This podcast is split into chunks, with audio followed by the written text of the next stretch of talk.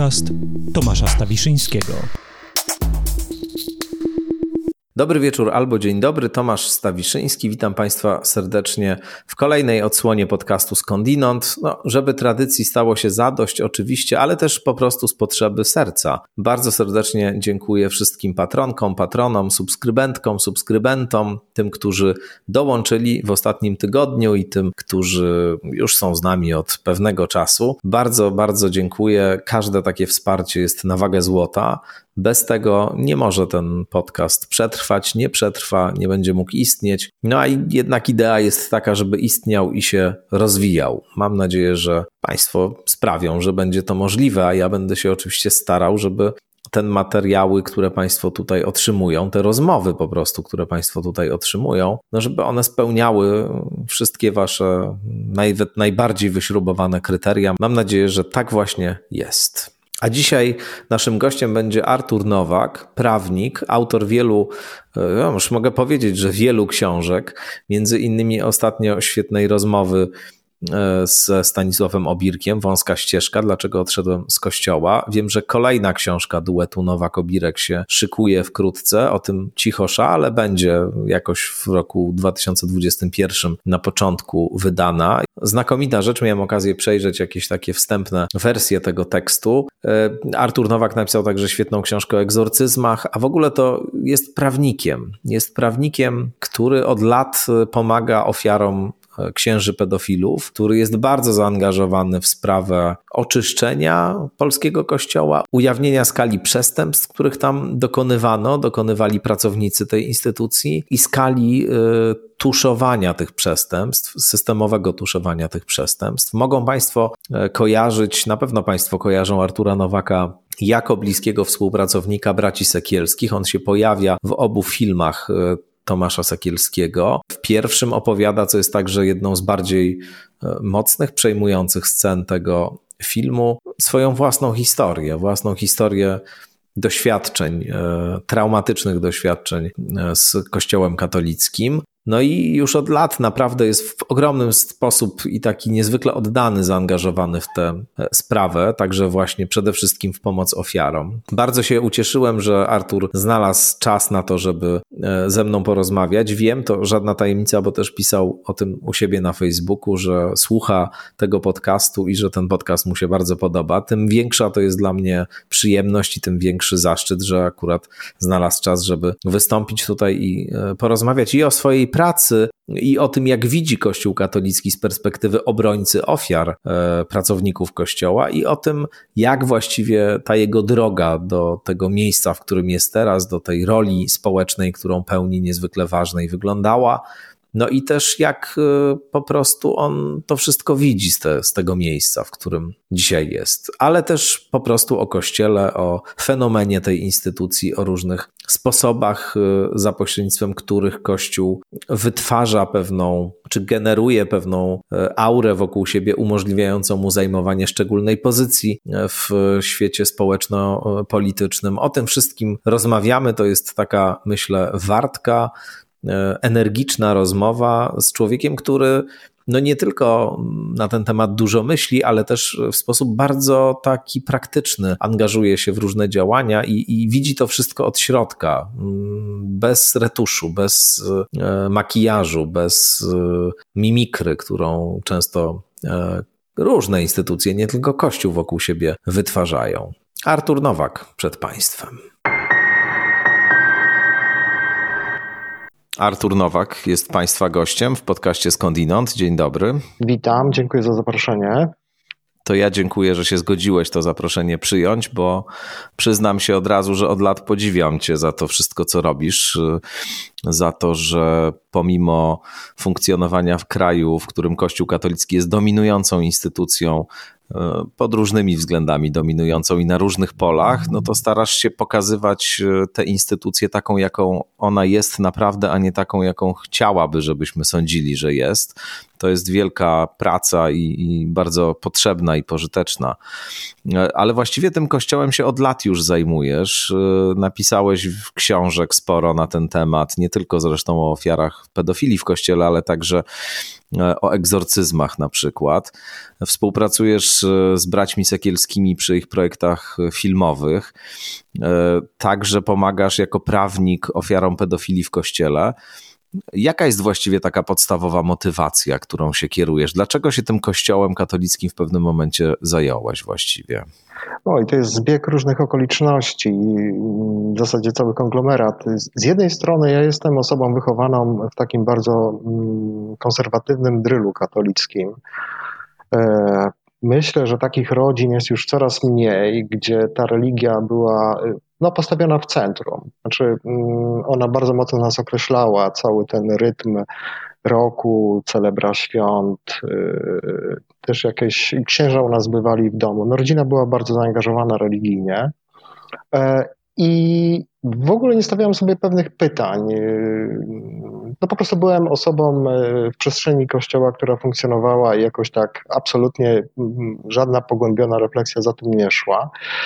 Ale tak się działo do pewnego momentu, bo kiedyś zjawił się w mojej kancelarii młody człowiek, przedtem przyszła jego żona.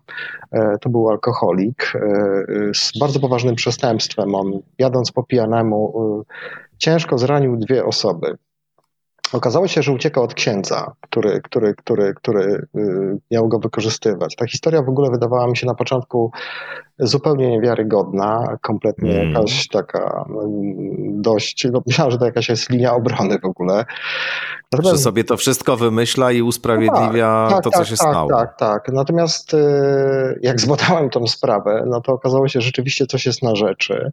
Y, zgłosiliśmy tę sprawę do prokuratury, bo to trwało przez wiele, wiele lat. Uwikłanie tego człowieka, y, znaczy w pewnym momencie on oczywiście miał już wystarczający zasób, żeby o tym powiedzieć, zbuntował się. De facto mm, bardzo mocno zmotywowałem go ja do tego oraz jakiś inny ksiądz, któremu on się z tego wszystkiego wyspowiadał. To też jest paradoks jakiś. A był w sposób brutalny wykorzystywany, myślę, od 13 roku życia. E, I on mnie poznał z innymi ofiarami, bo, bo, bo gdzieś to jeszcze jakoś funkcjonowało, e, jakieś takie środowisko ludzi, którzy mm, wymieniali się tymi swoimi świadectwami. Na początku tak nieśmiało, potem publicznie, on też upublicznił swoją historię. Krótko mówiąc, nam się udało w tym postępowaniu, bo sąd dał mu wiarę, rzeczywiście tak było, bo przedstawiliśmy różne dokumenty dotyczące tych nadużyć, e, dowody, świadków i tak dalej i dostał w pierwszej instancji karę bezwzględną, napisaliśmy apelację, e, dostał karę w zawieszeniu, przestał pić, e, to już od wielu, wielu lat e, tkwi w trzeźwości.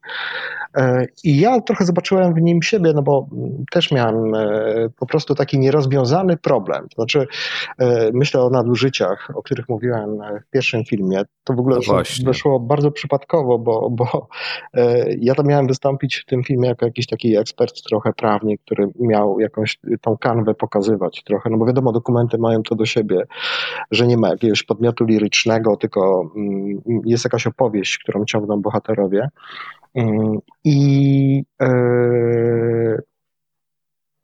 też nie zauważyłem, że jestem w trudniejszej sytuacji niż on nawet, bo ja nie potrafiłem szereg deficytów związanych y, z, z, z moim dojrzewaniem, e, pewnymi zachowaniami w dorosłym życiu. Nie potrafiłem ich zidentyfikować po prostu z, z przeszłością. E, pomogła mi bardzo terapia. W ogóle mm, wszystkim, którzy, którzy, którzy mają jakieś takie problemy, takie doświadczenia, e, zawsze namawiam ich do terapii. Ona bardzo po, pomaga. Nasze społeczeństwo ma to do siebie, że osoby, no w coraz mniejszym stopniu oczywiście, które korzystają z pomocy terapeutów, są jakoś stygmatyzowane, a, a uważam, że, że, że to jest naprawdę świetny sposób, żeby, żeby poznać lepiej siebie, siebie zrozumieć.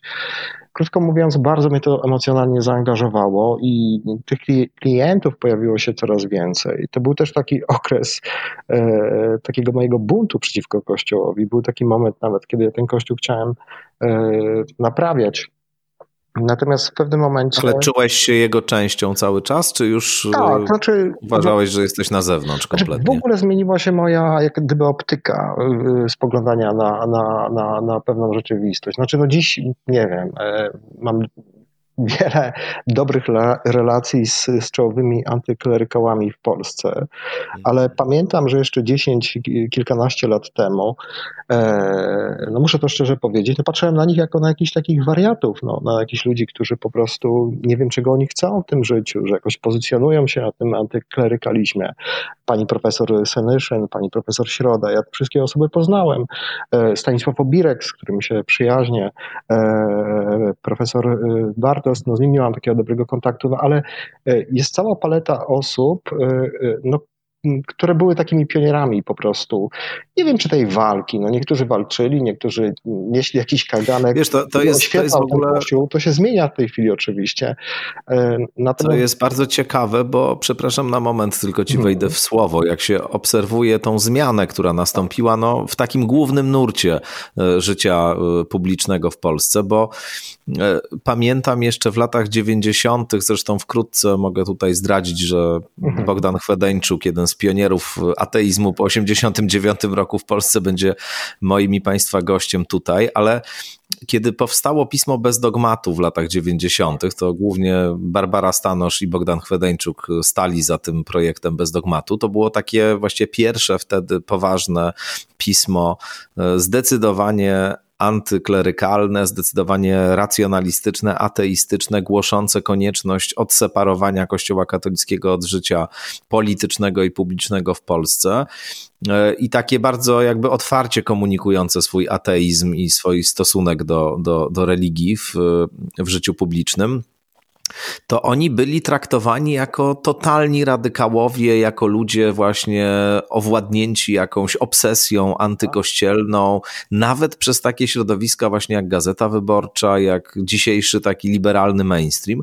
No i to się naprawdę zmieniło, to znaczy tym językiem właśnie te liberalne centrum, które wtedy było wobec nich takie bardzo ostrożne i, i traktowało ich jak ekstremistów, no to dzisiaj oni mówią tym samym językiem, który, które, które stworzyło bez dogmatu właśnie w tych latach 90. To jest w ogóle ciekawy proces. Znaczy, mało tego, ja myślę, Tomku, że my jesteśmy w takim czasie, jednak mimo wszystko no, każde pokolenie, każdy z nas ma, ma, ma taką pokusę, żeby wskazywać, że dzieją się oto jakieś przełomy dziejowe, ale ja myślę, że e, no, badania w sposób nieubłagany e, pokazują, że następuje odejście no już Polaków od Kościoła, można powiedzieć. E, badania zwłaszcza wśród młodych ludzi, są badania amerykańskie, które są powtarzane co roku i one jasno pokazują, że no, polska młodzież jest takim liderem, jeśli chodzi o odejście, odwracanie się od Kościoła. To jest bardzo ciekawa sytuacja. Ja myślę sobie, że y, to jest jedna z w ogóle strategii Kościoła katolickiego, która tych wszystkich outsiderów, osoby, które, które, które też y, często związane bardzo mocno z Kościołem na, na, na początku, e, odchodzą od tego Kościoła, są krytyczni, stygmatyzują. Tak? To, to można tutaj wiele podawać przykładów, to jest y, chociażby postać y, Stanisława Obirka. E, można się nie zgadzać y, w wielu kwestiach z księdzem Isakowiczem Zaleskim. Ja osobiście tam w wielu kwestiach absolutnie po prostu nie podzielam jego poglądów, ale to jest te, też przykład, że człowiek tak gorliwie jednak oddany Kościołowi, konserwatywny, który dostrzega w nim patologię, e, również jest jakoś prześladowany przez ten Kościół. Można mnożyć, mnożyć te przykłady i pokazywać, że, że, że właśnie tak na początku się dzieje. Myślę, że jesteśmy w takim momencie, kiedy, no tak jak powiedziałeś, no, ta strategia się wyczerpała, bo ludzie zaczynają też dostrzegać, że coś jest po prostu nie tak. I to też pokazują badania opinii publicznej i one są utrwalone, nie tylko po filmach Sekielskiego, że ja już nie pamiętam, ale chyba około 80% respondentów nie ufa hierarchii Kościoła katolickiego w kwestii nadużyć, a Kościół jako instytucja jest e, no, największym przegranym, jeśli chodzi o, o taki autorytet instytucji społecznych. Tak? W tej chwili są to instytucje, liderami są instytucje związane z, z Unią Europejską, Natomiast Kościół jest na szarym końcu. To jest bardzo wymowne, jak to się szybko i bardzo dynamicznie zmienia. Powiedz, czy u ciebie ten proces polegał na tym, że kiedy właśnie zacząłeś się angażować w pomoc ofiarom księży pedofilów, jeszcze zanim tak na dobrą sprawę zaczęło się mówić o pedofilii w polskim kościele, bo to był temat, który oczywiście za granicą funkcjonował już od dawna, od 20-30 lat. Te rozliczenia z mrocznymi piwnicami katolicyzmu były dokonywane. W Polsce właściwie to był temat w ogóle nieruszany i gdyby właśnie nie Sekielscy, gdyby nie ty, to prawdopodobnie jeszcze może musielibyśmy czekać długo na, na jakiekolwiek ruchy w tej sprawie. Ale czy to u ciebie wyglądało w taki sposób, że no właśnie, jakiś rodzaj takiego zetknięcia się z tą instytucją od tej strony, też jak rozumiem, wejścia w jakiś rodzaj interakcji, nie wiem, z prawnikami kościelnymi, z całą tą hierarchią, z tą całą strukturą instytucjonalną.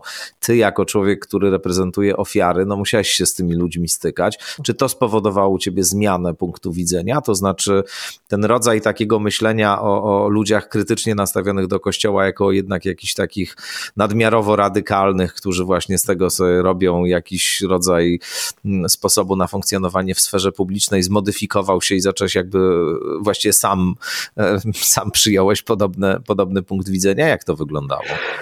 Z całą pewnością nikt nie zaprzeczy, że rola Kościoła katolickiego w naszym życiu społecznym no, jest przemożna, przeolbrzymia. No, jesteśmy jakimś ewenementem, wydaje mi się, jeśli chodzi o, o Absolutnie. Europę. Więc ten problem jest. Myślę, że o tym jeszcze powiemy, o kwestiach prawnych związanych chociażby z tym. Uh, pedofilia jest dla mnie wierzchołkiem góry lodowej. E, to jest ohydne przestępstwo, które, które, które nas poraża jakoś tak zewnętrznie, prima facie, no bo no, chyba nie ma większej zbrodni niż zbrodnia wyrządzona e, dziecku, a już zbrodnia wyrządzona przez osobę, która ma być przewodnikiem duchowym tego dziecka, która buduje sobie relacje z tym dzieckiem, z potencjalną ofiarą przestrzeni sakralnej jest czymś ohydnym.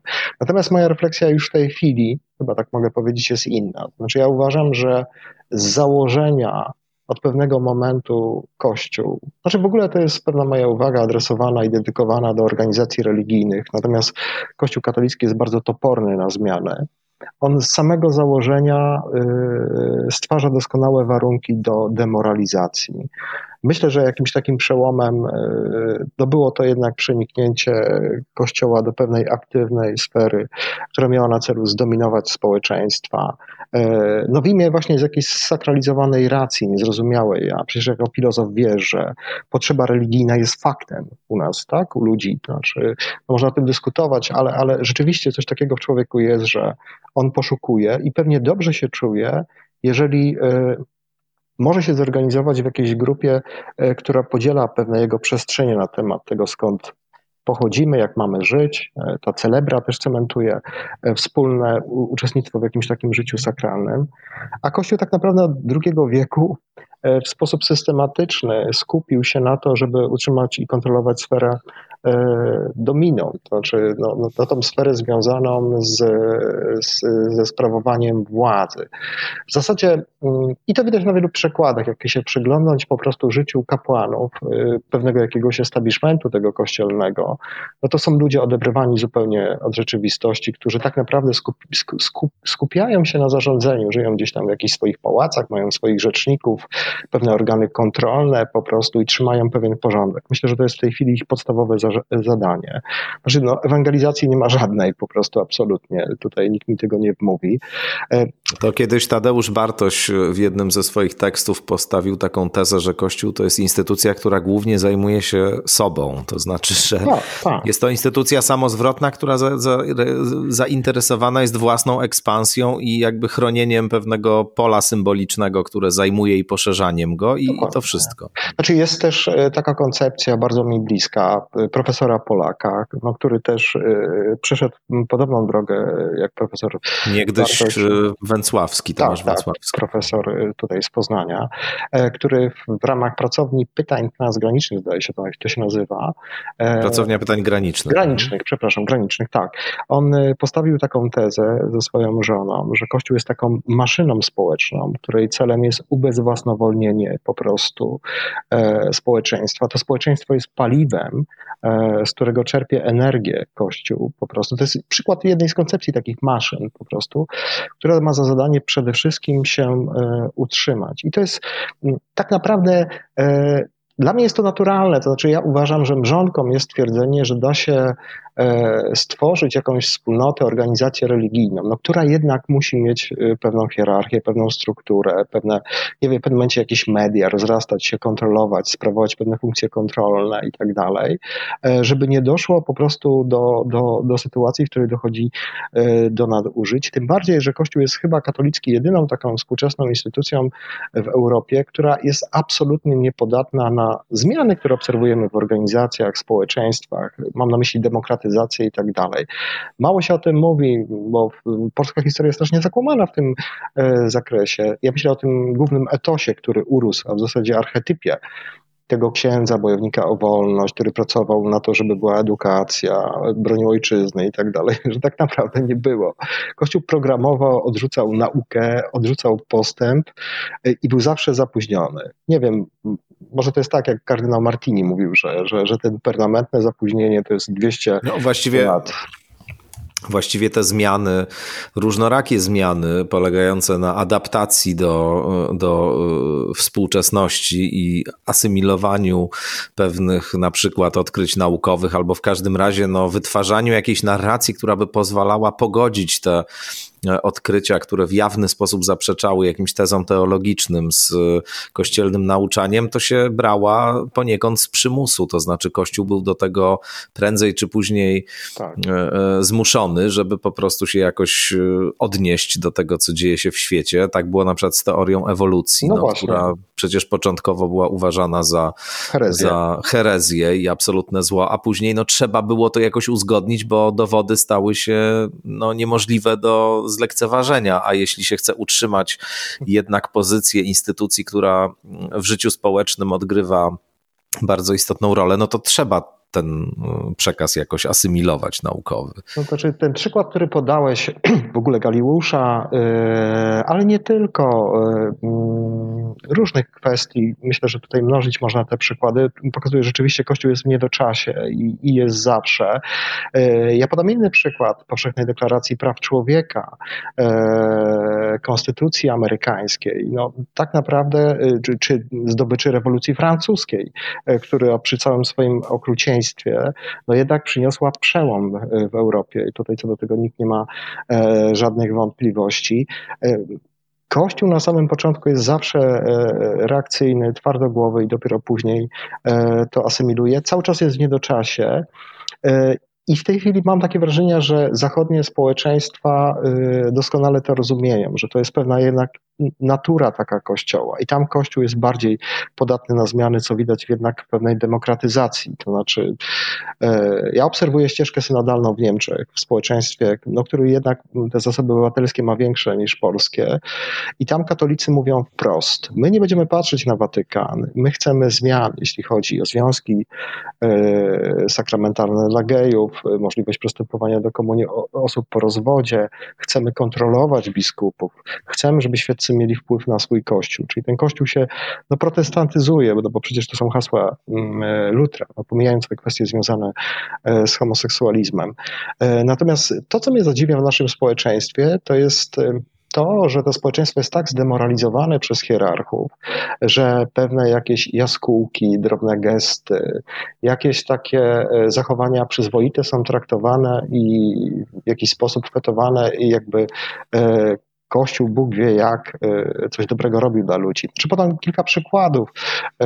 To jest kwestia taka, na przykład związana z, z arcybiskupem Rysiem. Mnie to strasznie irytuje, kiedy, kiedy się mówi, jaki to jest e, kapłan liberalny, otwarty, żeby wszyscy biskupie tacy byli. Ja tak się przyznam szczerze, wsłuchuję i patrzę czasami w to, co on mówi, w to, w jaki sposób on się zachowuje. On się po prostu czasami zachowuje przyzwoicie, ale to wystarcza, żeby, żeby po prostu robić z niego po prostu jakiegoś człowieka wielce e, e, dobrego. Nie? Znaczy ja to obserwuję też z ofiarą. To jest w ogóle y, niesłychane. To znaczy y, pokazują się filmy, głośne artykuły y, i z tymi ludźmi nikt się z ramienia kościoła nie, nie, nie, nie kontaktuje. Tam są jakieś, jakaś aparatura jest jakaś urzędnicza, księży, którzy mają się zajmować tylko pokrzywdzonymi. Ja nie wiem, czy Tomku i czy nasi słuchacze zdają sobie tego sprawę, że z tymi ludźmi nikt się nie kontaktuje. Ja ostatnio dzwoniłem sobie... To jest szokujące, to znaczy jest naprawdę ja, szokujące. Tak, ja ostatnio, głośna sprawa była, sąd e, okręgowy w Jeleniej Górze wypuścił e, pedofila skazanego na 5 lat za molestowanie dziewczynek dwóch e, na wolność. Ja reprezentuję te dwie dziewczynki. Ja I ten człowiek się pojawił w Ruszowie, czyli w tej miejscowości małej, gdzie dochodziło na nadużyć. No, sąd nie ma takich możliwości, żeby mu zakazać, żeby do tej miejscowości nie przyjeżdżał. On ma zakaz kontaktu z pokrzywdzonymi.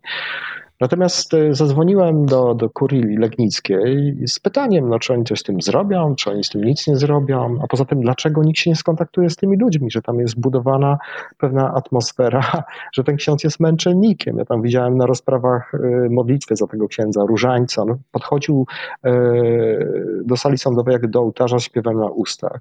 Ten... To jest, wiesz, to jest jedna z takich podstawowych narracji obecnych w kościele i w środowiskach katolickich, takich bardzo konserwatywnych konserwatywnych, tradycyjnych, że to jest wszystko atak na Kościół zorganizowany. Oczywiście. To są oszczerstwa, to jest wszystko tak, nieprawda, jest to po to, żeby Kościół zniszczyć. No ale Pytam się, dlaczego nikt się z tymi pokrzywdzonymi dziewczynkami, z jej rodzicami nie skontaktował, że jest im bardzo przykro, że takie rzeczy się odbywają, że tam się modlą za tego księdza, że dobrą praktyką w Stanach Zjednoczonych jest sytuacja, kiedy biskup przyjeżdża do takiej parafii po prostu, gdzie doszło do nadużycia i on bardzo dziękuję za to, że no, nie można być duszpasterzem tylko takim, który przyjeżdża na jakiś odpust, bierze kopertę i wraca, że to jest właśnie wyzwanie bardzo konkretne, że można coś zmienić.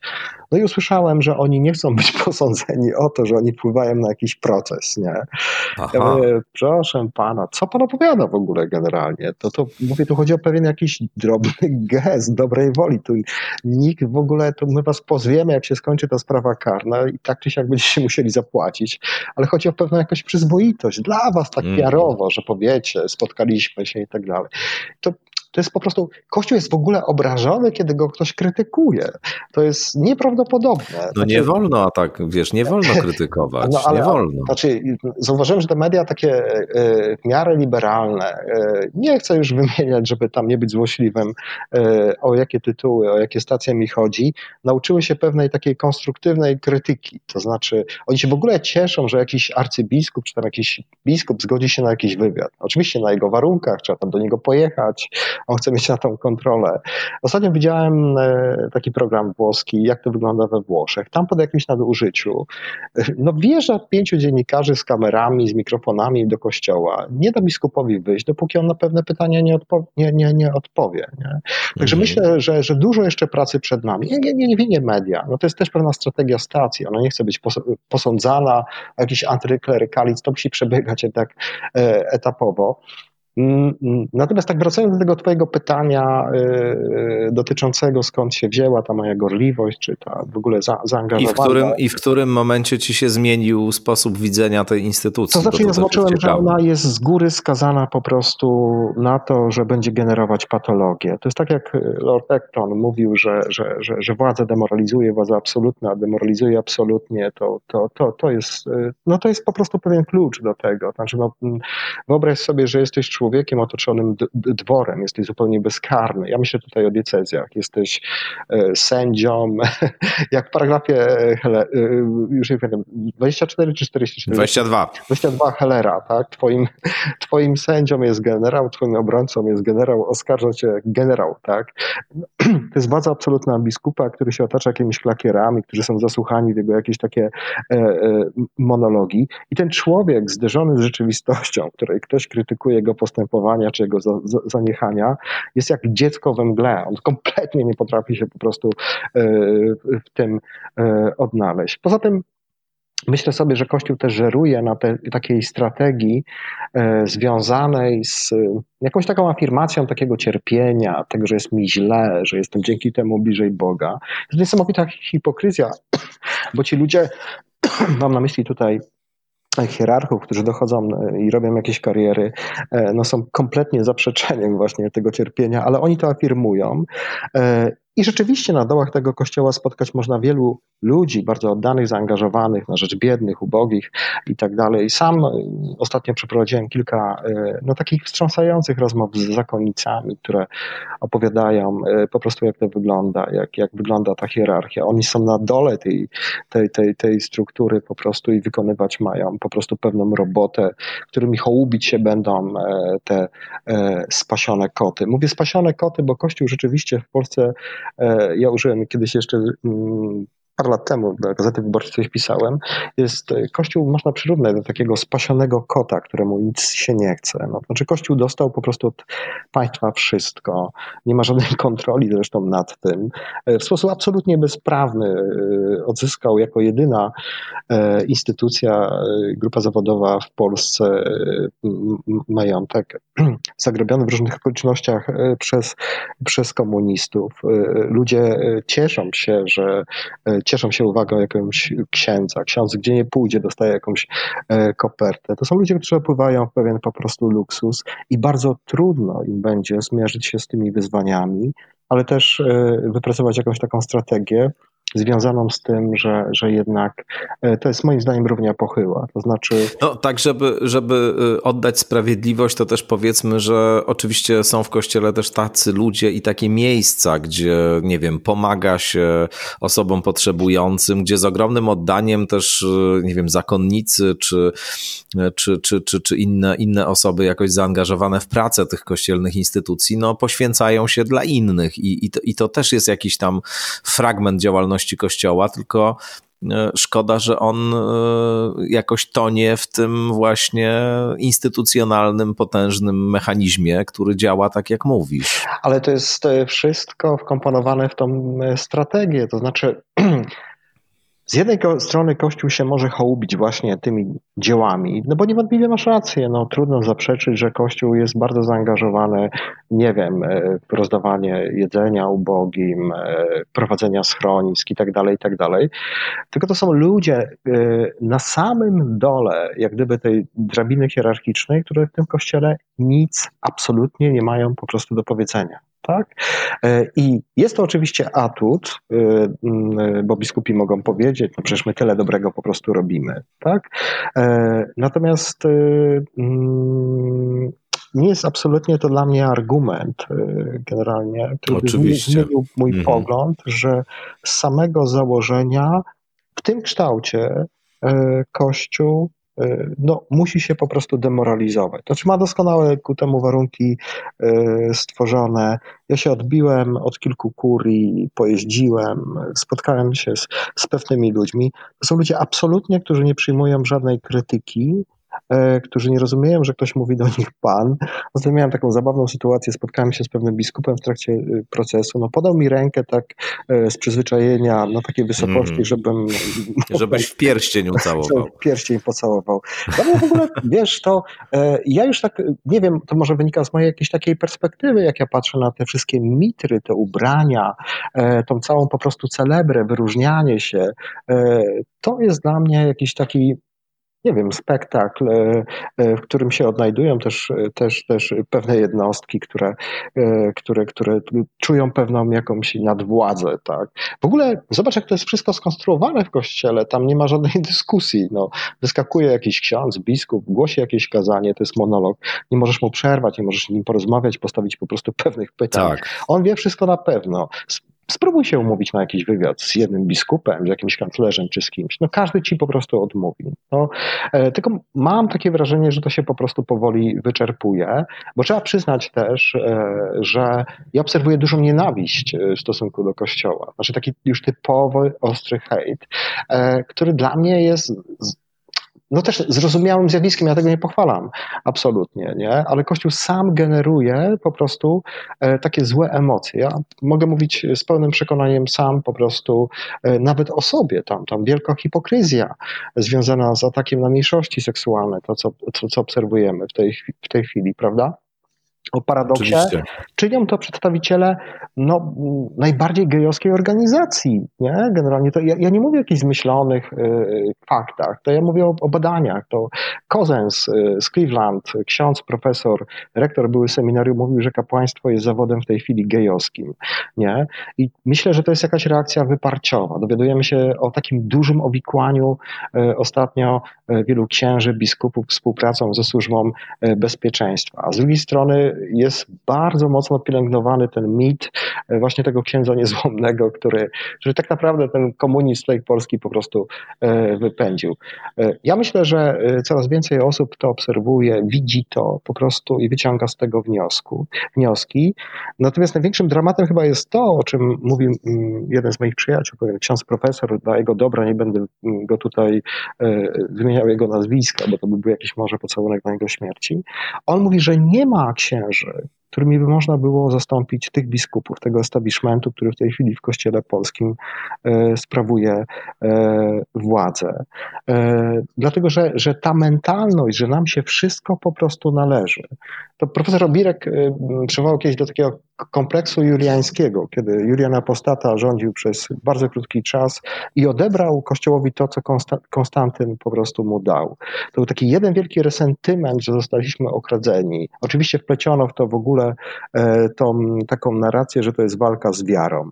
I to tak właśnie jest po prostu, że jak Kościół ma być traktowany na równych zasadach, jak wszyscy po prostu. Mm -hmm. To się tą strategię po prostu wtłacza, a efekt jest taki, że Mamy w tej chwili niesamowity najazd po prostu na instytucje e, kultury. To nie tylko, nie wiem, jakieś blokowanie wykładów Zingera, problemy generalnie z tym, żeby wykłady miał swój gros. To jest kwestia sfery edukacji, gdzie mamy e, po prostu nie taką nowoczesną religię, która mówi o religiach innych, z jaką mamy e, na Zachodzie. To jest kwestia wejścia w lecznictwo, domagania się jakiejś takiej supremacji prawa Bożego jako obligatoryjnego e, dla, dla, dla lekarza, edukacji. No masz, no masz tutaj jednak e, zasadę działania tej instytucji, czy jakby tą podstawę, z którą mhm. ona występuje i buduje swój mandat do e, funkcjonowania w życiu politycznym i społecznym, polegający na tym, że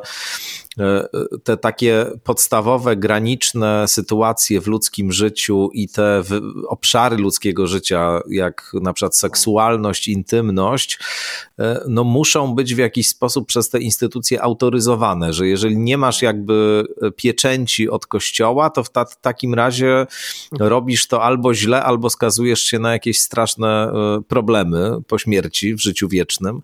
No więc, więc to jest rzeczywiście takie pole, na którym Kościół próbuje budować swój wizerunek jako takiego pośrednika, jako kogoś, kto zapośrednicza pomiędzy tobą na przykład a twoją seksualnością, mm -hmm. kto tak. bez y, czyjego udziału ty nie będziesz w stanie prowadzić na przykład satysfakcjonującego czy dobrego życia seksualnego, a musisz to robić też dokładnie tak, jak Kościół ci rekomenduje i Kościół będzie tego pilnował i egzekwował, czy będziesz to robić dokładnie tak, jak on, y, jak on oczekuje i to jest po prostu taka myślę o tych wszystkich e, mhm. atakach e, mniej lub bardziej brutalnych na mhm. E, osoby LGBT, że to jest też po prostu poniekąd walka z konkurencją. To znaczy, tak. to jest z tamtej strony przychodzi przekaz my będziemy sami decydowali o sposobie, w jaki realizujemy swoje życie seksualne. Nie, nikogo nie krzywdzimy, nie łamiemy prawa. Jest to nasz wolny wybór i nie potrzebujemy żadnego pośrednictwa katolickiego, kościelnego. No a tutaj Kościół powiada nie, no nie ma czegoś takiego. My znamy y, reguły, wedle których powinno się to odbywać i nie ma innej możliwości, tylko trzeba nas o to pytać, my tego pilnujemy, więc to jest, y, mhm. ja to tak widzę ten spór. Znaczy, Rzeczywiście księża są wychowywani już na etapie seminarium na takich bezserwiserów, którzy skończyli tą teologię i oni po prostu mają na wszystko odpowiedź. E, znają się, no mówiąc kolokwialnie, na seksie, na edukacji, na tym, jak mamy żyć i tak dalej. Ja myślę, że największym zagrożeniem dla Kościoła, i to obserwujemy chyba w ostatnich 200-300 latach, no są właśnie jednak prawa obywatelskie, prawa człowieka. O tym się nie mówi, ale Kościół miał spore problemy, żeby to zaakceptować, bo e, prawa wyborcze kobiet, to jest kwestia już zupełnie nowa, no to też był zamach według Kościoła na e, pewną jakąś tradycję, pewien, pewien, pewien po prostu podział ról. Kościół rzeczywiście jest zazdrosny o każdą inną aksjologię, o jakąś taką e, sferę zbioru pewnych zasad postępowania i próbuje ją sobie po prostu zawłaszczyć, na przykład w ten sposób, że ona jest wywodzi się od Boga, tak? I z całą pewnością od Boga, to, jest przesłaniem Ewangelii, a przecież nie tylko przesłaniem Ewangelii. No, no, wiele systemów religijnych jest skonstruowanych na jednak podobnej aksjologii, takiej codzienności. Ale myślę, że w tym, co mówisz, warto też zaznaczyć to, że Kościół jest tutaj kompletnie w tym zakresie niekonsekwentny. To znaczy, on rzeczywiście chce narzucić pewną narrację, chce mieć nad wszystkim kontrolę, e, chce czuwać, kontrolować e, i, i jest oburzony, jeżeli się gdzieś tam coś e, nadmiernie w tych prawach obywatelskich zmienia i to może być w jakimś konflikcie z nauczaniem, z nauczaniem Kościoła, ale jest bardzo niekonsekwentny, jeśli chodzi o, o to, co głosi, a to, co robi. No, ludzie to po prostu dostrzegają i, i będą to dostrzegać. Myślę też, że Kościół, yy, zwłaszcza w Polsce, ten, on jeszcze żeruje na tej na takich niskich właśnie zasobach obywatelskich naszych. Ja bym to nie przypisywał określonym grupom społecznym, e, ale myślę, że yy, ta afirmacja tego, mm, że jako ludzie mamy po prostu pewne prawa, tak? E, jest, jest, jest dla Kościoła pewnym po prostu e, problemem. Kościół kwestionował nauki psychologii, e, no w ogóle sferą całą taką naukową, poznawczą. Można powiedzieć, że był apoznawczy, tak? To, to, to nie tylko chodzi o te spektakularne palenie ksiąg, ale też przecież przez pewien czas funkcjonował zakaz czytania Biblii tak, przez inne osoby niż e, przez, e, przez księdza. Więc ta zazdrość o to, żeby, żeby po prostu się nie okazało, że król jest nagi, że ja mogę sobie sam e, e, czerpać satysfakcję ze swojego postępowania, mogę sobie wypracować pewną, pewną aksjologię, no to jest największą e, traumą dla Kościoła, ale to się dzieje, bo ostatnio zajmowaliśmy się Staszkiem Obirkiem kategorią NONS, amerykańskich, amerykańskich byłych katolików, protestantów. Okazuje się, że największą grupą społeczną w społeczeństwie amerykańskim, jeśli chodzi o osoby religijne, to są właśnie nos. Ludzie, którzy wyszli z dużych organizacji religijnych, e, zachowują e, pewną aksjologię religijną, po prostu kierują się pewnymi wskazaniami religijnymi, tylko są poza, poza kościołami instytucjonalnymi. To jest w tej chwili 26% y, Amerykanów i oni przekroczyli w tej chwili już liczbę e, protestantów i, i, i, i, katolików. E, to jest właśnie ten przełom. E, on, on jest obserwowany, myślę, że na zachodzie Europy mm, od lat 50., 60. Pionierami tu byli Amerykanie, rewolucja seksualna. Myśmy tego nie przerobili jako społeczeństwo w Polsce e, i, i, myślę, że, że, że to się w tej chwili po prostu dzieje e, I, i, nie jest już jakimś upokorzeniem, wstydem e, to, że ja mogę poza Kościołem realizować się religijnie, czy w ogóle się realizować poza religijnie jako człowiek po prostu. A powiedz, jak ty widzisz właściwie w całym tym kontekście, o którym mówimy, rolę i działania Franciszka, papieża Franciszka. Czy uważasz, że to jest rzeczywiście taki odnowiciel, który który ma szansę to wszystko zreformować e, i e, zmienić funkcjonowanie tej instytucji na tyle, żeby e, powiedziałbym, ładunek ewangeliczny przeważał jednak nad ładunkiem no, takim, o którym rozmawiamy, nad ładunkiem makiawelicznym. Czy to jest trochę taki PR i, i nic z tego nie będzie? Jak ty to widzisz? Znaczy, no, myślę z całą pewnością, że to jest pewna strategia. No, y, z całą pewnością Franciszek jest postacią, która, y, jeśli go zostawimy jednak, a mimo wszystko musimy patrzeć na niego w, w pryzmacie jego poprzedników, poprzedników osobą, która budzi takie dobre uczucia. Natomiast jeżeli przyjrzymy się pewnym konkretom, no to zauważymy, że tych zmian zbyt dużo nie ma. To znaczy, no, y, to jest tak, że zachwycamy się tym, co on mówi, E, prawda? Natomiast kiedy spojrzeć na jego e, działania, to, to, to, to, te zmiany nie następują. To znaczy one, hmm, on sam mówi, że zmiana w kościele to jest, e, przypomina proces mycia szczoteczką do zębów piramidy Cheopsa, on to chyba zaczerpnął skądś. E, I on ma świadomość, że Kościół zbankrutuje po prostu, jeżeli się nie będzie zmieniał, e, że to hamstwo i buta jego poprzedników, którzy e, w sposób taki radykalny mówili, że, że tak ma być i już, no, takim przykładem no, pontyfikat Jana Pawła II, który absolutnie odrzucił po prostu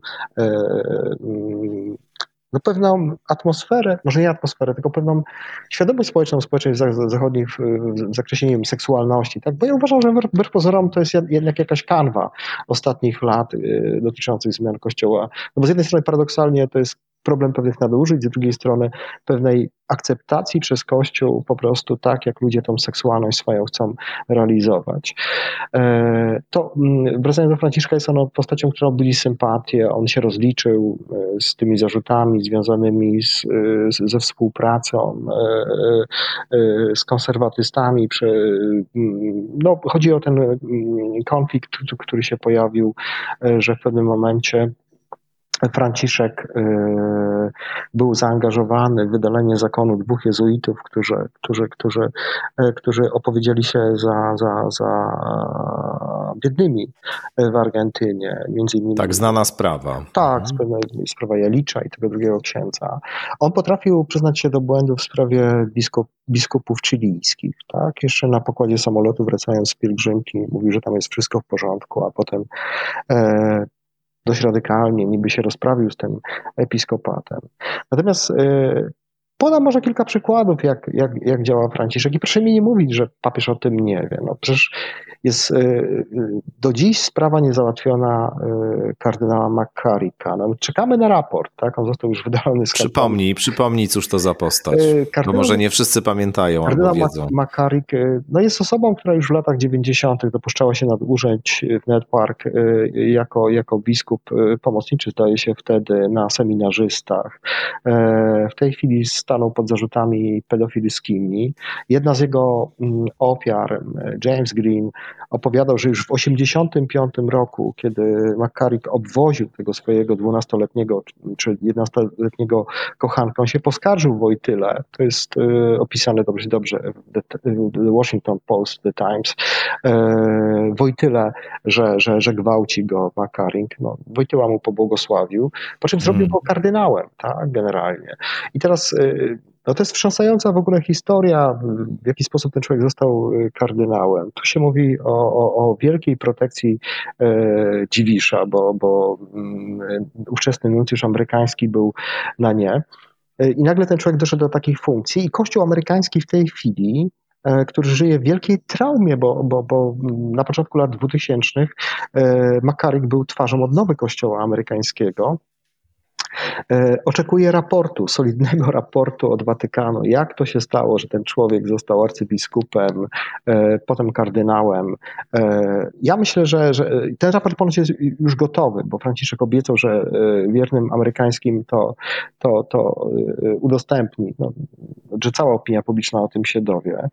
Myślę, że prawda jest tak wstrząsająca, bo niedawno się okazało, że Makarik wysyłał różnym papieżom pieniądze po kilkaset tysięcy euro tam jest w ogóle taka sytuacja, że Benedykt zabronił mu już e, e, sprawowania pewnych funkcji, a jest ta cała historia z e, arcybiskupem Vigano, który był nuncjuszem, który jest w Ameryce, który jest w wielkiej opozycji teraz do papieża Franciszka, który ujawnił, że Franciszek go przywrócił pomimo tych nadużyć.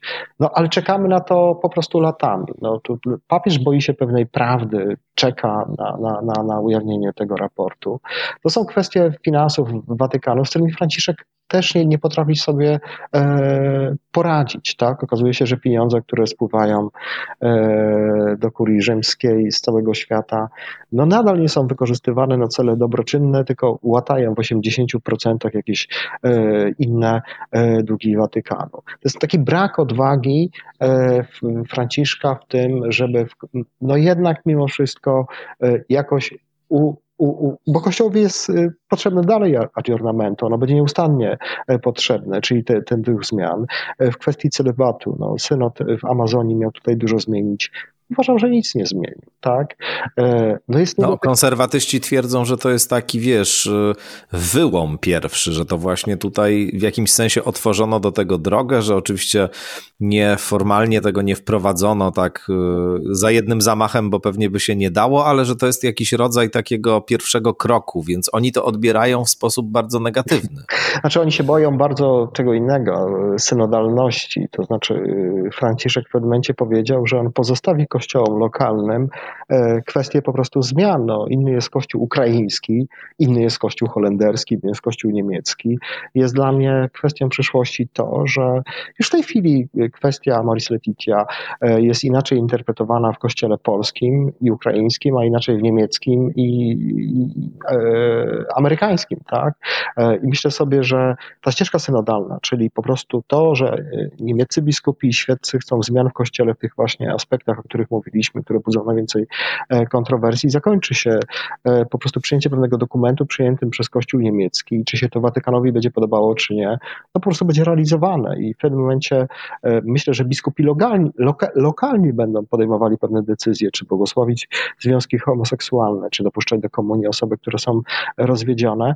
Kościół jest zapóźniony po prostu e, i pielęgnuje pewną hipokryzję po prostu w, ludziach. Nauczanie Kościoła jest absolutnie absurdalne, jeśli chodzi o, o te kwestie e, nie da się po prostu jego utrzymać. I zarzucanie, że e, te zmiany, które się próbuje wprowadzić są jakimś relatywizmem, są jakimś relatywizmem, tak, jest jakąś taką zwykłą demagogią, bo Kościół no przecież zmieniał się i, i chodzi o to, żeby ten proces zmian przyspieszył, jeżeli chce się w ogóle po prostu e, utrzymać. Ja dlatego myślę, że tak, e, żyjemy w jakimś momencie takim newralgicznym, że no zwróć uwagę i myślę, że nasi słuchacze po, podzielą to, to, to moje stanowisko. No, Nigdy nie było takiego kryzysu po prostu w Kościele katolickim. E, myślę tutaj o Polsce, tak? Te badania, które w tej chwili mamy, które mówią o tym odejściu, tak, pokazują, że nie będzie już lepiej, a będzie z punktu widzenia Kościoła oczywiście e, coraz gorzej.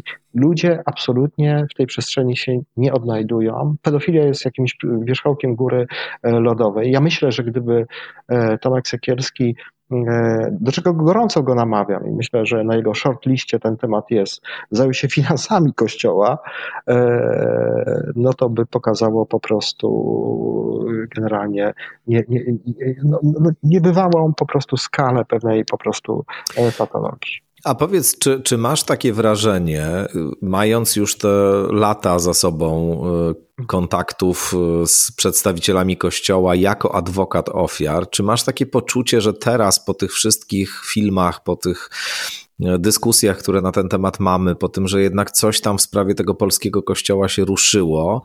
Czy, czy ty widzisz jakąś w ogóle zmianę w zachowaniu się e, przedstawicieli kościoła? No, po, powiedziałeś, że oni dalej się nie kontaktują z ofiarami, generalnie nie ma tutaj jakiegoś specjalnego e, poruszenia w, ty, w, ty, w tych kręgach i to jest rzeczywiście szokująca sytuacja, ale, ale czy w ogóle jak, jakakolwiek zmiana nastąpiła? Czy to jest dalej tak, że no, ja pamiętam, że rozmawiałem kiedyś e, z takim, ponieważ mnie nie upoważnił do tego, żebym powiedział mhm. jego nazwisko publicznie, to nie powiem z którym księdzem, ale z jednym z takich bardzo medialnych e, księży, którzy w sposób bardzo stanowczy i wprost wypowiadają się przeciwko tuszowaniu pedofilii w kościele, mówią o tych patologiach E, i nie ukrywają głowy w piasku.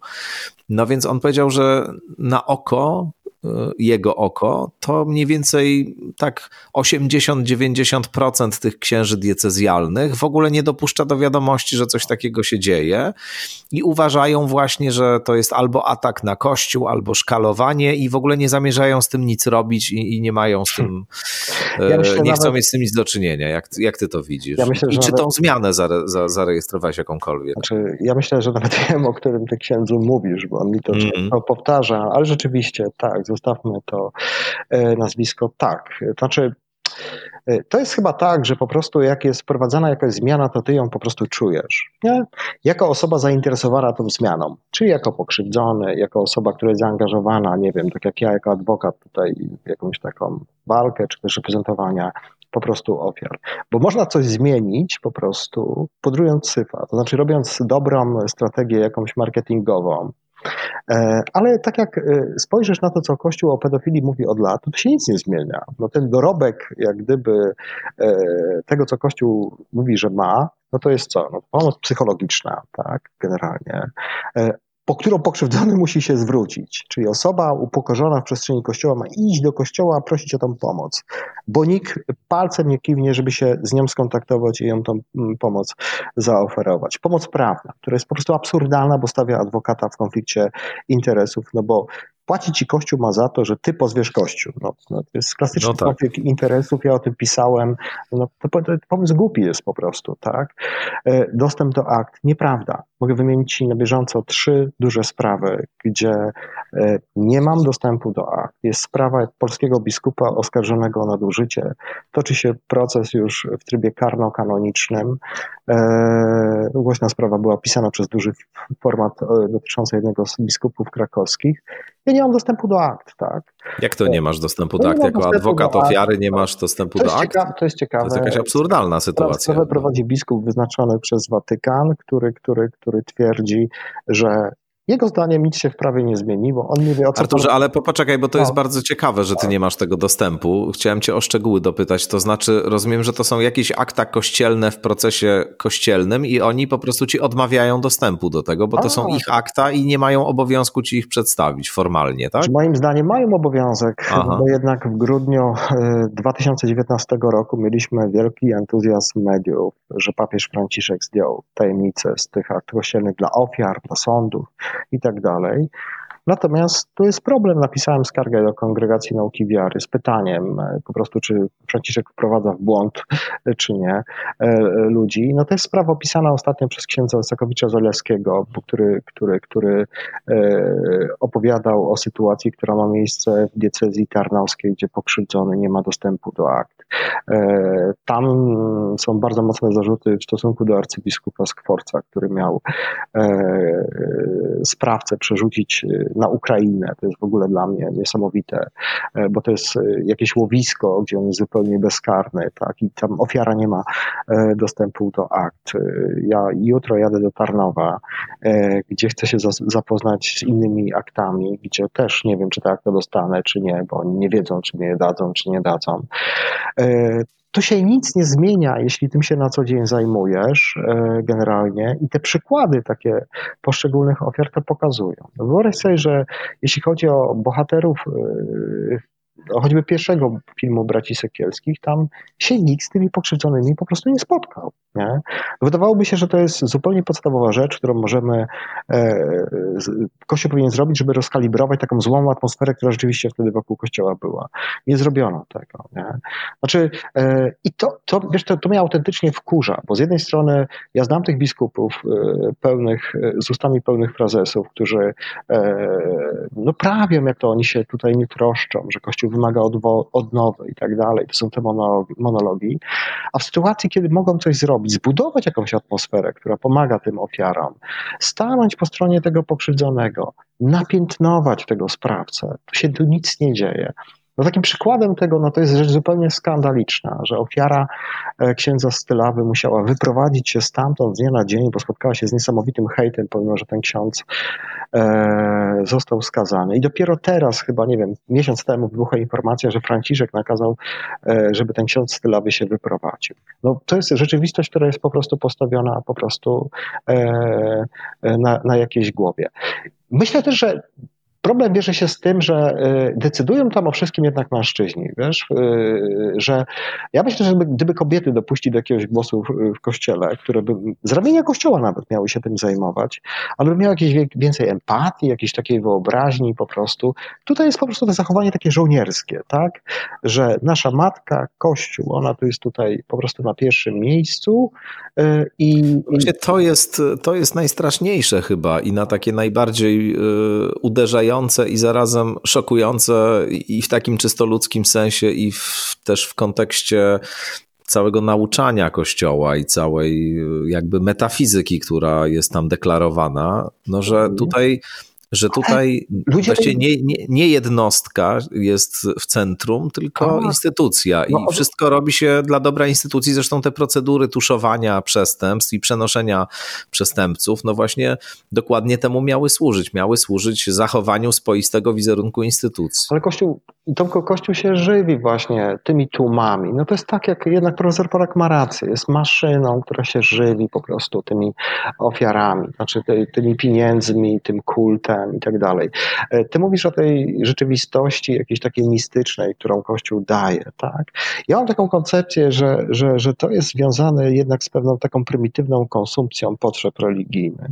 Znaczy, to, to, to doskonale działa, no bo mamy byle jakich księży, byle jaki kler, y, nie wiem, y, ludzi uwikłanych kiedyś jakąś współpracę z SB, ich wielu jest teraz y, biskupami dość, dość, dość wysoko postawionymi. To nie jest tylko sprawa Gulbinowicza, ale tych jego następców, no bo przecież Guć woził Gulbinowicza na spotkanie z SB, to z Gulbinowicza wyszedł Tyrawa, Janiak i ta reszta biskupów, których znamy jako pijaków, ludzi, którzy tuszują gdzieś tam pedofilię. I ludziom to nie przeszkadza, tak? Jak był protest przeciwko Gdańsku, roku to, to ile tam, 100 osób protestowało, nie? Ale z drugiej strony księża o nich nic więcej nie wymagają. Każą mm. tylko przyjść do kościoła, zapłacić ofiarę, e, prowadzić pewne jakieś życie e, sakramentalne w tym słowie, bo to bardzo wniośle brzmi. I rozumiesz, i ta transakcja jest załatwiona. To jest taki to są tacy konsumenci religijni z jednej strony. Kościół ma wyłączność na obsługę tej konsumpcji, bo mówi, że jest jedynym depozytariuszem po prostu e, tych, tych, tych dóbr tak, w ramach tego kontraktu, e, które może im zapewnić. One są odpłatnie i tutaj na naprawie, na jakiejś moralności nikomu nie zależy. Ostatnio e, generał jezuitów Sosa nowy mówił, że w tej chwili świat się nie dzieli już na ludzi wierzących, niewierzących, na ludzi moralnych, niemoralnych. Ja myślę, że to jest bardzo obce właśnie naszemu społeczeństwu, kościołowi. Ludzie jednak mają takie dobre samopoczucie, no bo to dzieci ochrzciłem, y, byłem komunii, tam rodzina też y, jakoś, nie wiem, zadłuża się, żeby tam dać jakieś tysiące, jakieś zegarki generalnie temu, temu dziecku, jest jakiś ślub. Było trudno w tym małżeństwie, bo mąż mnie zdradzał, bo chlał, bo mnie bił, ale ja wytrwałam, tak, generalnie. I rzeczywiście e, właśnie ta strategia takiego, nie wiem, cierpiętnictwa, takiego ofiarowania tutaj po prostu e, doskonale gdzieś działa. To taki, taki zewnętrzny wymiar tego e, po prostu, że nie odróżniam się od ludzi, kultywuję to, co robił mój ojciec, mój dziadek, tak? Jestem taki sam, jest to wszystko w porządku i, i to jest ok. Ja myślę, że to się stąd tego po prostu e, bierze. A przeraża mnie, wiesz co, najbardziej chyba to, że takich księży i takich wiernych, którzy chcą wziąć odpowiedzialność za ten swój Nie? No bo przecież nie twój, e, ani mój, prawda? Hmm. Generalnie jest po prostu bardzo mało, a, a, a, więcej jest takiego krzykactwa, o ten Nowak tutaj niech się sobą tam zajmie, a ten Stawiszyński to niech tam się zajmie jakąś tam, pewnie jakąś tam e, filozofią, czego oni od nas po prostu chcą, nie chodzą do kościoła. Ostatnio e, to było ciekawe dla mnie, że ksiądz Lemański, bardzo taki no, postępowy ksiądz i tak dalej, którego ja bardzo szanuję, żeby była jasność, nie? Gdzieś mnie tam zaatakował, że powiedziałeś, że jesteś poza kościołem, to tego nie komentuj. Nie?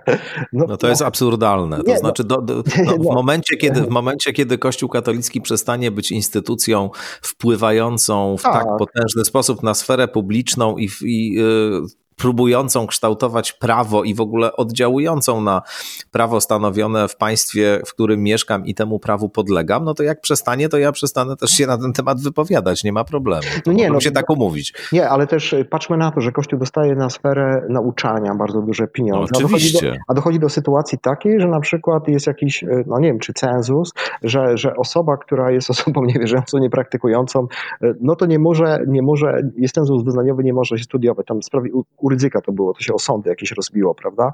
Generalnie tak. jakieś, a przecież państwo świeckie e, e, za to płaci. Kościół przetwarza nasze dane osobowe zupełnie bezprawnie, tak? E, generalnie. Tam nie ma żadnej kontroli w ogóle e, nad, e, nad, nad, nad, nad, nad żadnymi finansami. A, a, a przecież ta cała sytuacja, bo mm, to mam nadzieję, że ktoś kiedyś to opisze, jak tego nikt nie opisze, to ja się chyba tym zajmę, e, zwrotu tego mienia kościelnego, no to, to po prostu jakaś taka mafijna historia zupełnie, prawda? Więc ja też jestem takiego zdania, że jeżeli wy sobie coś tam robicie, co mnie nie dotyczy, tak, generalnie, i, i, i czego ja nie widzę, nie ma żadnego problemu, róbcie to sobie, tak, ale ja mam prawo, jakby obywatel tego kraju, tak, którego pomimo tego, że nie praktykuję, gdzieś tam traktujecie jako katolika, myślę, że takich jak ja to jest e, bardzo dużo osób, mam prawo o tym po prostu mówić. I będę o tym mówił, bo uważam, że to jest olbrzymi problem. Ja myślę, że nasze zapóźnienia obywatelskie, e, kształtowanie pewnego mitu Polaka katolika, to jest temat w ogóle na osobną audycję od XVI e, wieku, ten e, archetyp takiego cierpiętnictwa i wybraństwa naszego narodu, no to jest właśnie ta socjalizacja kościelna po prostu, więc e, proszę mi nie mówić, że to nie ma wpływu na jakieś moje życie, bo e, wiele sfer wolności obywatelskich związanych z kulturą, związanych z edukacją jest bardzo mocno kontrolowanych przez Kościół i z tym zdaniem właśnie Kościoła rządzący się liczą, jak z jakimś innym. No, Ostatnia sprawa, tam e, teraz tydzień temu, czy to nie wiem, kilka dni temu, u, u, u najbogatszego księdza w Polsce, księdza Tadeusza, otworzono jakieś tam muzeum, które ma upamiętnić Polaków, którzy pomagali Żydom. Tak ni stąd, ni zowąd y, premier Morawiecki dał tam jakieś y, na to po prostu pieniądze. Nikt mnie o to nie pytał, nie? generalnie. Nie? No y, tak. Pomoc dla pokrzywdzonych przestępstwami, jakieś kilkadziesiąt milionów złotych od ministra sprawiedliwości otrzymał ksiądz Olszewski, e, no, egzorcysta, który wypowiadał jakieś no, no, rzeczy, których trudno w ogóle komentować. To jest ten, który tam kiełbasą wyganiał demona wegetarianizmu, który twierdził, że... Jak państwo, jak państwo tego, tej historii nie słyszeli, to polecam wpisać w Google egzorcyzm i kiełbasa. I tam Salceson chyba Salceson, to był dokładniej rzecz biorąc. Tak. Salcesonem, tak. tak. Który mówi, że do niego pisze diabeł i, i w ogóle toczy jakieś duchowe walki. No człowiek zaburzony moim zdaniem, tak to chyba można e, powiedzieć. Więc, o e, ekscentrycznym światopoglądzie z całą pewnością. No, jesteś jak zwykle bardzo, że tak powiem, e, kulturalny w tych, e, i taki powściągliwy. O, w tych, tych, tych swoich ocenach jestem bardziej z tego radykalny. Nie wiem, może kiedyś mi to przejdzie. Natomiast jednak tak to po prostu jest i to nas ma prawo denerwować i my powinniśmy po prostu na to reagować. Tak sobie po prostu myślę. I powiem szczerze, mam taką dużą e, satysfakcję, e, że, że, że, że, że jestem jakąś jedną z tych osób, które, e, które te zjawiska pozycjonują. I mm, mam też, też taką satysfakcję, kiedy patrzę po prostu to, o czym mówiliśmy na początku naszej rozmowy, jak ewoluuje ewoluują media w tym kierunku, że no, jednak y, ta poprawność przy krytyce Kościoła w tej chwili już nie obowiązuje. W tej chwili jest ona coraz bardziej radykalna. Znaczy, ja nie wiem, czy radykalna, normalna, tak, po prostu generalnie. E, więc. Y, no właśnie, bo to, co to mówiliśmy już właściwie na początku, że, że y, często jakaś krytyka, która jest zupełnie elementarna, taka, jaką można kierować pod adresem wszystkich innych instytucji, jeśli kieruje się ją pod adresem Kościoła, to bywa określona mianem jakiegoś ultraradykalizmu, ekstremizmu i tak dalej i od razu używa się argumentu, że ktoś musi właśnie tego nieszczęsnego Kościoła nienawidzieć, a on jest taki Ale bardzo biedny. Jest taki paradoks, że, że na przykład teraz jest głośno komentowana ta sprawa właśnie, że, że Jezusowi tam, yy, który niesie krzyż, to jest jakiś pomnik przedwojenny, z tego co pamiętam, przy, przy yy, katedrze chyba archidiecezji tak, warszawskiej. Kościele, kościele Świętego Krzyża. Tak. Ktoś, ktoś yy, czy ozdobił go tęczową flagą, że to jest znieważenie uczuć religijnych. Jest pytanie, yy, no jak można krzyż znieważyć? Druga sprawa, kto wie coś o światopoglądzie Jezusa? No być może Jezus był gejem tak naprawdę. Generalnie my tu nic y, na ten temat y, nie wiemy. Jedno jest pewne, był człowiekiem, który szedł na peryferia, to jest fakt historyczny, y, który spotykał się z celnikami, z kobietami, które, które, które no, były nieczyste, z ludźmi z obrzeży, innymi słowy. Tak? I jest pytanie, jakim prawem Kościół katolicki, który w żaden sposób no, nie jest takim czynnym depozytariuszem tych wartości, który tego nie pokazuje, tak, e, rości sobie prawo, żeby po prostu to on był tym obrońcą. Oczywiście, tego. wiesz, tu jest, jeszcze, tu jest jeszcze e, pytanie o to, dlaczego Kościół katolicki, a to też jest częsty argument właśnie, e, rezerwuje sobie wyłączne prawo do symbolu Jezusa Chrystusa. No, to jest symbol, który jest własnością wszystkich, którzy w tej kulturze żyją i mają prawo w jakieś interakcje i relacje z tym symbolem wchodzić i tak go rozumieć i tak go tak go używać w cudzysłowie, jak, jak, jak chcą i jak uważają. I ten taki rodzaj y, wyłącznej pretensji do wyłącznej własności mi się też wydaje niezwykle niebezpieczny. Wiesz, to że, znaczy, że, prostu... znaczy, I to właśnie generalnie to jest najbardziej, największe zagrożenie, takie mi się wydaje w opinii Kościoła, kiedy e, postać Jezusa,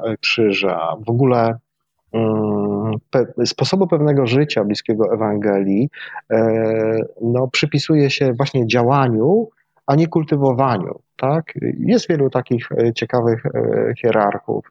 To jest kardynał Supi, e, uczeń kardynała Martiniego. Jest wielu teologów wyzwolenia, którzy, którzy Gutierrez, tak? którzy mówią, że, że, że po prostu być między ludźmi, wejść w reakcję po prostu i realizować przekazania, że na tym polega właśnie nasz Kościół. Tak? Po prostu. I nieważne, nieważne, nieważne gdzieś tam w jaki sposób ty kultywujesz. W ogóle przy okazji pandemii E, jeden z bliskich współpracowników e, papieża, już nie pamiętam, nie pomnę nazwiska, ale jakiś ważnych arcybiskupów, którego e, Franciszek awansował, zastanawiał się po prostu, czy, czy, czy rzeczywiście jest potrzeba udzielania komunii. Tak? I to był dramat. To w ogóle w tych pismach konserwatywnych, czy militant, w polskim PCH, histeria jakaś, no, to jest oczywiście związane z tym, że trzeba jakoś ludzi tych zagonić do kościoła, przy okazji, żeby dali ofiarę. No to po prostu jest ta komunia. Zresztą to, o czym ty mówisz, yy, znaczy to yy, ta wyłączność, że Kościół katolicki jest depozytariuszem postaci Chrystusa, jego nauczania, yy, to tak naprawdę historycznie yy, generalnie yy, nie da się obronić, bo yy, jeżeli by przeanalizować następstwo apostolskie biskupów, to się okazuje, że przez wielu lat biskupów nie było po Chrystusie w ogóle, tak?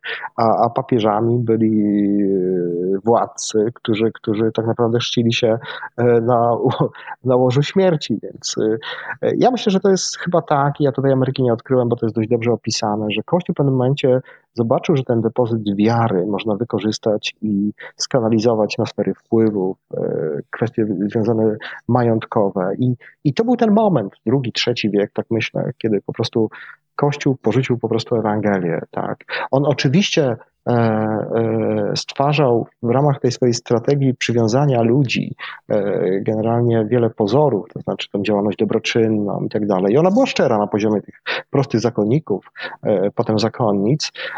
Natomiast tak naprawdę to był jeden z sposobów po prostu, żeby sprawować władzę. Z tą władzą się nie potrafi podzielić, znaczy podzielić, zrezygnować z tej władzy i na tym polega traumat tych naszych po prostu mm, biskupów, nie? że, że oni nagle, nagle są mniej ważni, są krytykowani, że im się tam wyciąga jakieś ciemne sprawki. To, no do tego nie są przyzwyczajeni, absolutnie, nie, to prawda. Ale ja im strasznie współczuję, no bo jeżeli się otaczasz dworem klakierów, którzy ci klaskają, czy ty, e, nie wiem, e, jesteś trzeźwy, czy pijany po prostu i, e, i, i, i ty decydujesz o tych ludziach, czy oni pójdą dalej się gdzieś kształcić, będą mieli jakieś stanowiska i nagle pojawi się ktoś, to jednak opierając się o pewne fakty, coś ci wyrzuca, no to czujesz jakąś taką frustrację, nie? po prostu generalnie. No, e, no biskup Janiak zaczął pić, tak, po prostu i gdzieś tam e, wylądował w szpitalu, nie? E, inni się obrażają, po prostu nie rozmawiają, tak. E, ostatnio słyszę, że, że, że, że, że chcą się sądzić. Biskup Jerzy, zdaje się, z, z księdzem Sokowiczem Zaleskim chce się sądzić. No, no to, to są takie właśnie reakcje związane z taką nieumiejętność przyjmowania po prostu, nieumiejętnością przyjmowania, przyjmowania krytyki. Nie? No, ale będą musieli prędzej czy później się do tego przyzwyczaić, się tego nauczyć. Przynajmniej taką mam nadzieję i na pewno Twoja działalność będzie poważnym krokiem w tym kierunku, żeby, żeby ich z tym wszystkim skonfrontować i konfrontować nadal. Bardzo dziękuję Ci serdecznie ja za, dziękuję. za rozmowę. Cieszę się, że się nam udało pogadać i z góry zapraszam na kolejne, bo mam wrażenie, że no, tak naprawdę żeśmy dopiero rozpoczęli i napoczęliśmy ten temat i można by jeszcze długo, długo rozmawiać, także na pewno jeszcze będę się do ciebie z takimi zaproszeniami zwracał. Ja mam takie wrażenie, że jak się dobrze rozmawia, to czas szybko mija. O tak. E, I, i, i po prostu chce się więcej i więcej, no ale niestety czas, czas biegnie nieubłaganie. Nie? To prawda. Ja dziękuję Bardzo za zaproszenie. Pozdrawiam wszystkich słuchaczy twoich generalnie. Muszę powiedzieć, że słucham sobie czasami do poduszki e, wieczorami tych podcastów. Uważam, że są bardzo wartościowe i cieszę się, że, że, że, że jesteś i, i jest jakieś grono twoich odbiorców, które wspiera tą działalność, bo to jest bardzo ważne. Dzięki wielkie. Bardzo Ci dziękuję za te opinie i oczywiście Państwu też dziękuję i za to, że Państwo z nami byli dzisiaj i że w ogóle Państwo słuchają podcastu i wspierają. Bardzo dziękuję. Artur Nowak był Państwa gościem.